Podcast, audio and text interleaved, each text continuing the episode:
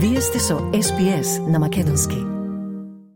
Четиридневната работна недела, што туку беше подложена на најголемата пилот програма во светот во Обединетото кралство, а резултатите беа представени пред парламентот. Во програмата учествува 61 компанија. 56 од нив имаат предложена одредена варијанта на четиридневната работна недела, а 18 го имаат преземено трајно. Меѓу они на кои им се допадна беше и Кралското друштво за биологија. Доктор Марк Даунс е главен извршен директор на организацијата. Тој вели дека на персоналот сега им треба помалку боледувања и во тој пробен период боледувањата од 4 до 5 дена годишно се намалил на помалку од 2. We see there's actually been a decline in the amount of sick days taken during the period of the trial. We were starting off sick leave around about the you know, five, um, four to five days perhaps per person per year um, on average. It's down to less than two at the moment.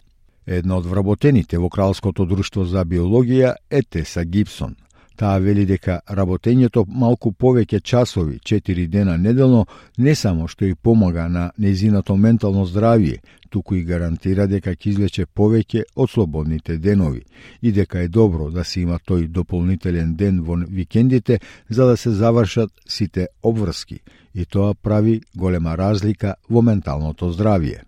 Weekends can be quite hectic, the two day weekend. Uh, so it's been quite nice to have that extra day. You see your friends and family on the two days when they're also free, and then you get that extra day off during the week just to do all your chores or just to have that time to yourself to relax. So it's really made a big difference to my mental health. Промената на начинот на кој работат луѓето привлекува внимание на највисоките деловни нивоа ширум светот.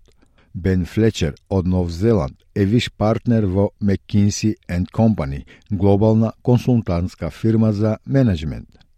Тој пред многу влијателни луѓе на самитот за работна сила на весникот Australian Financial Review рече дека најдобрите бизниси се оние кои можат брзо да се прилагодат. Come to today wanting good ideas, great inspiration for what you can do, a bit of help on what we can do to shape the future of work together. I think it involves modern organisations that are resilient and healthy here and able to transform at pace. За увид во тоа како би можело да изгледа четиридневната работна недела во Австралија, може да се испита случајот на Симбиоти, софтверска компанија со седиште во Мелбурн. Под водство на управниот директор Овен Винзор, компанијата усвои 4-дневна работна недела. Тој вели дека вработените се посрекни, а продуктивноста не е намалена. Тој исто така забележува дека трансформацијата во работните практики што ја донесе пандемијата одиграла улога во четиридневната работна недела и рече дека се оди исклучително добро. Тоа не го промени начинот на кој работат, а продуктивноста се уште е одлична, а луѓето се многу посрекни со работното место во овој момент. Uh, it's going extremely well, um, honestly. Uh, it's been something that we as, as a team have, have really particularly enjoyed. Uh, it hasn't changed the way that we work necessarily with our customers. Um, productivity is still great, but um, people are just a, a lot happier with workplace at the moment. And I think, too, particularly coming out the other side of COVID, it was uh, a really nice uh, relief for people to have a little bit extra time to do things that they want.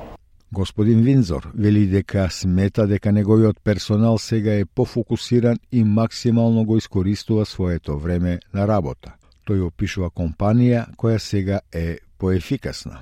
People are I won't say committed because it's not that they weren't committed previously. It's just that you have uh, a bit more focus in what you're doing because you, you hear a little bit less. We've modified the way that we do meetings. We're a little bit leaner on the way that we uh, perhaps do things that may have been time wasting activities previously. Um, and we just operate a little bit tighter than we probably had previously. Господин Винзор зборува и за четиридневната работна недела во контекст на сегашниот пазар на трудот.